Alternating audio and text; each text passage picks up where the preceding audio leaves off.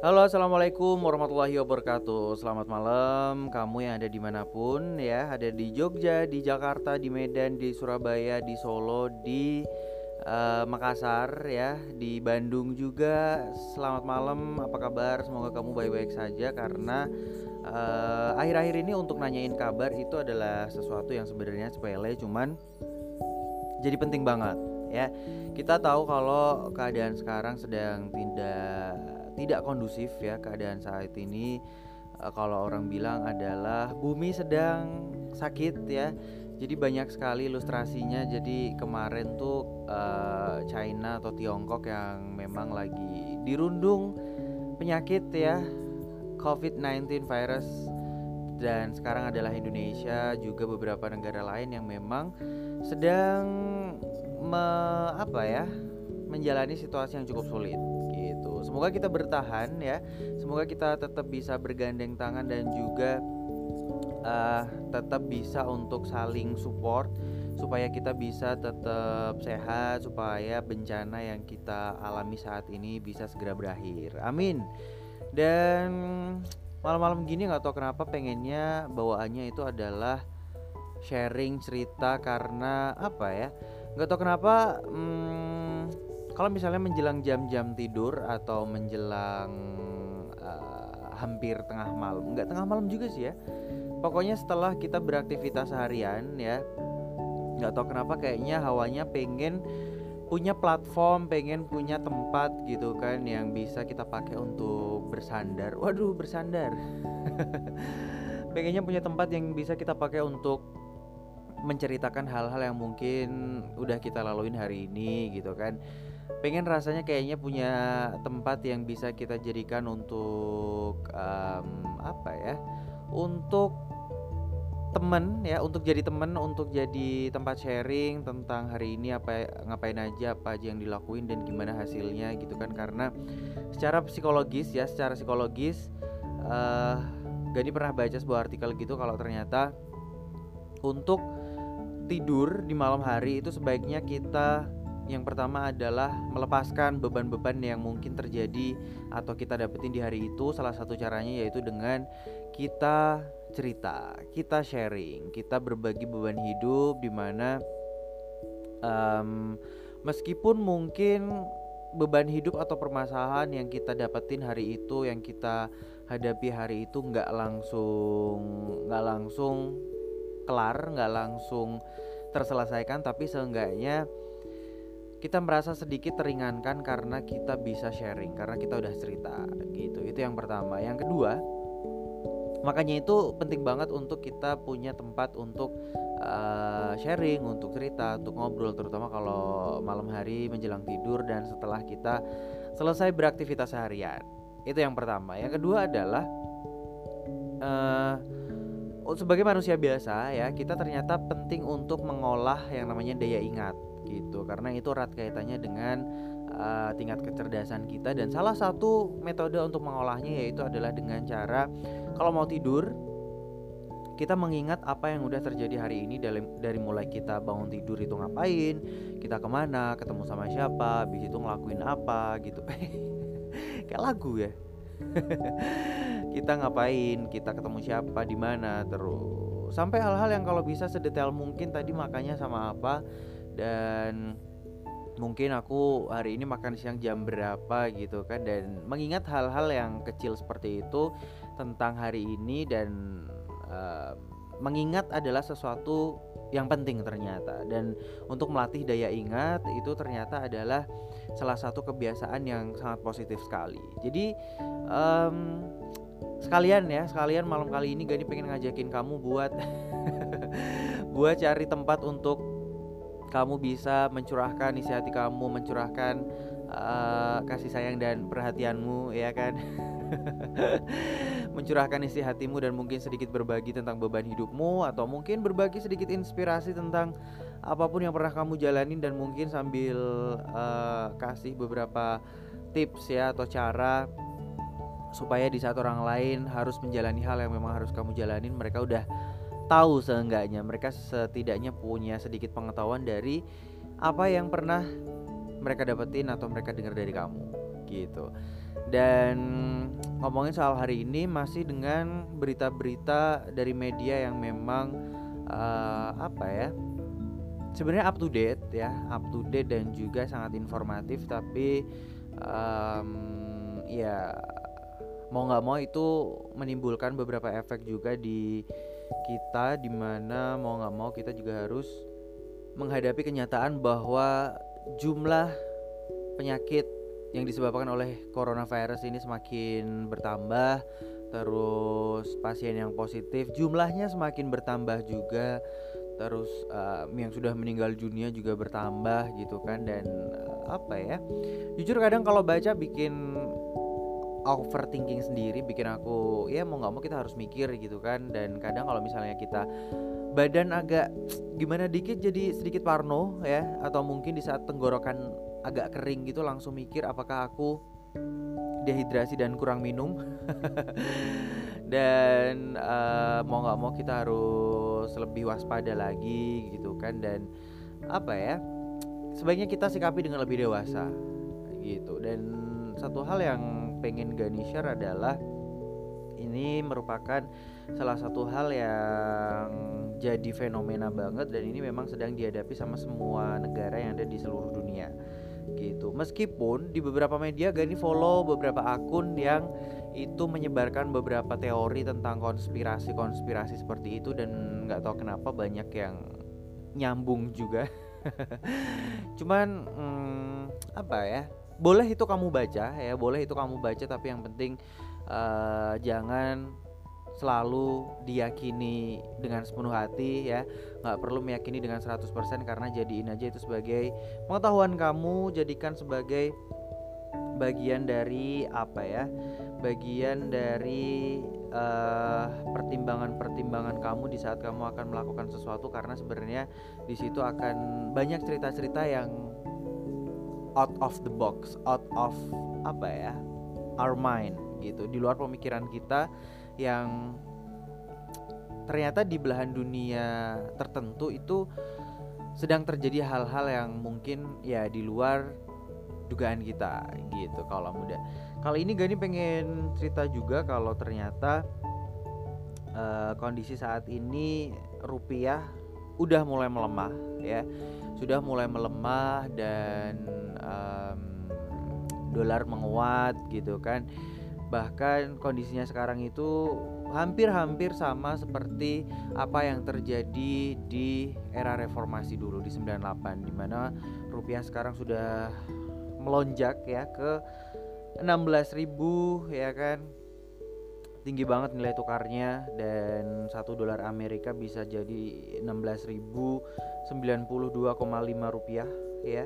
Hampir 16.100 di mana ini hmm, nyari sama sama apa yang terjadi di 98 tapi kita juga harus tahu kalau misalnya yang terjadi di 98 itu nilai rupiah itu jauh lebih berharga dari sekarang. Jadi maksudnya adalah um, misalnya 16.000 waktu ini sekarang ini sama 16.000 waktu itu tuh beda gitu. Untuk untuk uh, apa namanya untuk uh, nominalnya gitu. Kayak misalnya sekarang permen seribu dapatnya tiga gitu. Tapi waktu itu kan uh, mungkin satu permen bisa 10 rupiah gitu atau 25 rupiah.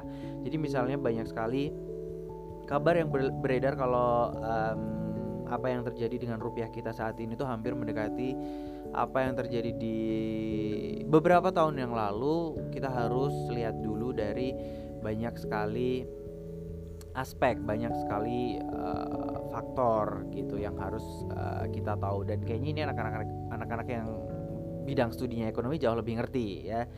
Itu yang pertama. Yang kedua um, di tengah-tengah hal-hal yang mungkin bikin kita agak panik sekarang ini dan sekarang udah nggak tahu lagi harus ngapain karena untuk stay at home pun mungkin sehari dua hari tiga hari masih oke. Okay, tapi kalau misalnya dalam jangka waktu lama kita juga jadi jadi mikir juga gitu. Karena mau nggak mau kegiatan ekonomi jadi berhenti gitu. Daya beli masyarakat juga menurun terus banyak sekali aktivitas ekonomi yang benar-benar berhenti gitu kan banyak orang yang ya kalau misalnya stay at home aku nggak kerja aku nggak ke mana-mana ya ya aku nggak makan gitu kan. Dan itu satu hal yang harus kita perhatikan juga dan it happens di sekitar kita gitu. Jadi hmm, banyak sekali hal hal-hal yang di luar di luar bayangan kita yang mungkin dulu nggak pernah sekalipun kita bayangin tapi sekarang ini sedang terjadi.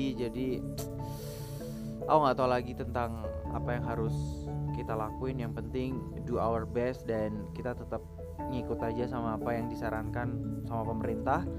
Stay at home karena itu bisa meminimalisir uh, penularan virus. Sudah gitu kita dengan stay at home juga artinya kita menyelamatkan banyak nyawa terutama nyawa kita sendiri gitu hmm, ngomongin soal uh, weekend karena ini udah menjelang weekend. Jujur kalau Gani pribadi nggak pernah ada ritual-ritual khusus yang dilakukan di saat weekend karena kalau bagi Gani sendiri weekend sama nggak sama aja.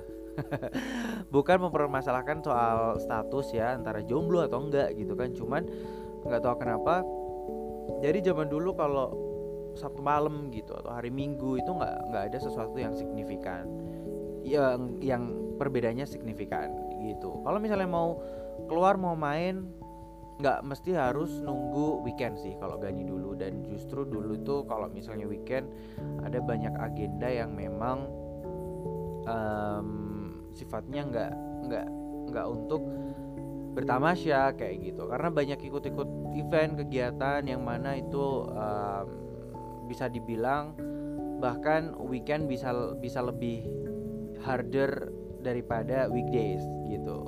Karena banyak sekali hal-hal yang memang terjadi di weekend dan nggak melulu tentang weekend istirahat foya-foya tamasya gitu gitu enggak dan kalau misalnya ngomongin soal malam minggu juga Gini jarang juga sih untuk malam minggu yang ke mana gitu bareng sama seseorang jarang banget.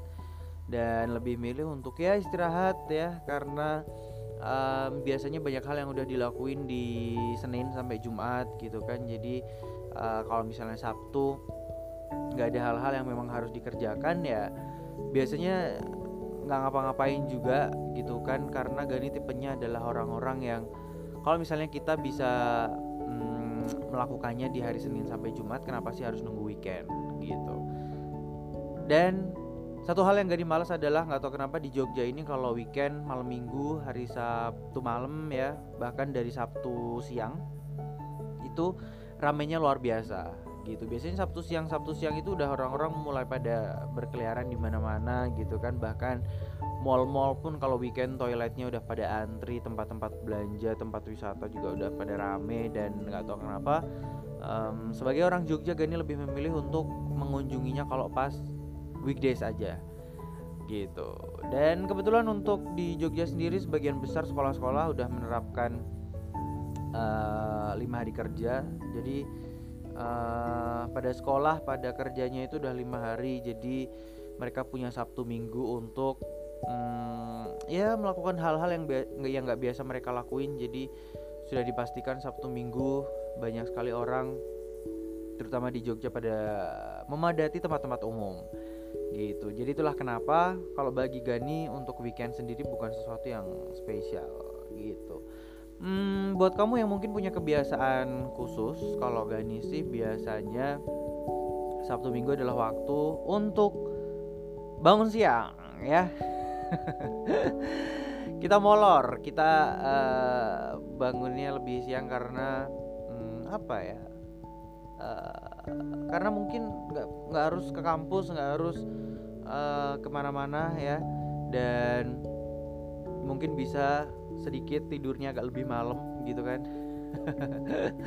Karena biasanya kalau weekdays kita harus segera uh, memaksakan diri untuk aku harus tidur, aku harus tidur, aku harus tidur. Dan sampai mensugesti diri sendiri uh, bahwa semakin cepat tidur, semakin cepat istirahat nanti semakin cepat bangun biar besoknya nggak telat ya untuk memulai aktivitas atau kegiatan gitu. Dan ya itu sih itu tentang hari-hari yang biasanya Gani jalanin apa yang terjadi tentang hari ini dan uh, masih dengan situasi yang sama orang-orang disarankan untuk work from home orang-orang disarankan untuk uh, stay at home kalau misalnya nggak ada hal-hal yang memang penting-penting amat dan it's happening juga di Jogja. Meskipun um, kalau berdasarkan pengamatan dari beberapa negara lain yang memang sedang menghadapi masalah yang sama di saat mereka diminta untuk stay at home yang mereka bakal benar-benar stay nggak ke mana-mana. Um, mereka taat sama peraturan gitu. Dan apa yang terjadi di Indonesia banyak sekali menjadi fenomena karena um, di Indonesia masih belum apa ya masih banyak yang belum mengindahkan saran atau mungkin um, peraturan dari pemerintah yang emang udah diberlakukan sekarang gitu. Jalan-jalan masih rame tempat-tempat masih banyak ada kerumunan banyak ba banyak banget acara yang masih diselenggarakan bahkan banyak sekali yang bertamasya gitu kan. Sampai ada meme kemarin ya meme meme yang bilang kalau di Indonesia untuk disarankan uh, stay at home social distancing itu nggak mempan mungkin karena mereka nggak tahu istilahnya itu dalam bahasa Inggris atau mungkin kata-kata serapan gitu. Coba dikasih tahu dalam bahasa Indonesia mungkin mereka lebih mudeng. Well sekarang pun sebenarnya mereka mudeng apa yang harus dilakukan. Sebenarnya mereka ngerti apa yang harus dilakuin tapi ya kesadaran kayaknya masih belum tumbuh gitu. Dan di Indonesia banyak banyak jadi perbincangan juga sama media internasional karena negara lain itu di saat harus uh, lockdown itu benar-benar steril ya. Di saat mereka harus stay at home mereka benar-benar stay ya. Padahal kalau misalnya kita lihat di negara lain mereka fasilitas kesehatan lebih memadai um, higienisitas kebersihan di sana juga lebih keren gitu. Tapi di Indonesia justru malah lebih dablek ya. Makanya banyak sekali media internasional yang menyorot bahkan hal-hal um, kayak di Indonesia malah tiket liburan ya kan um, apa namanya untuk tiket-tiket uh, perjalanan gitu malah didiskon dimurahin dan lain sebagainya. Padahal di negara lain orang nggak boleh yang namanya bepergian apa pun alasannya kayak gitu. Dan di Jogja masih banyak di Jogja di Indonesia masih banyak yang pada uh, belum mengisolasi dirinya sendiri. Masih banyak yang kayak uh, bertamasya dan lain sebagainya. Padahal di negara lain tuh bener-bener sepi banget ya. Itulah yang disayangkan. Semoga semakin hari semakin timbul kesadaran warga Indonesia untuk saling menjaga karena dengan mengisolasi diri atau membatasi kita dari yang namanya keramaian atau uh, kerumunan itu sebenarnya menyelamatkan diri kita sendiri. Di saat kita belum terinfeksi virus dan misalnya kalau ternyata kita terinfeksi itu kita menyelamatkan orang lain uh, dengan kita tidak menularkannya kepada mereka. Karena sebenarnya meskipun banyak yang merasa bahwa aku baik-baik aja virus ini um, banyak menyerang orang-orang dan itu tanpa gejala dan itu lebih berbahaya. Jadi stay safe, stay healthy, stay at home dan uh, kayaknya cukup segini dulu apa yang Gani ceritain hari ini. Gani bakal sharing ke kamu lagi nanti next time ya. So stay tune terus di podcast aku barengan sama Gani Narendra pastinya.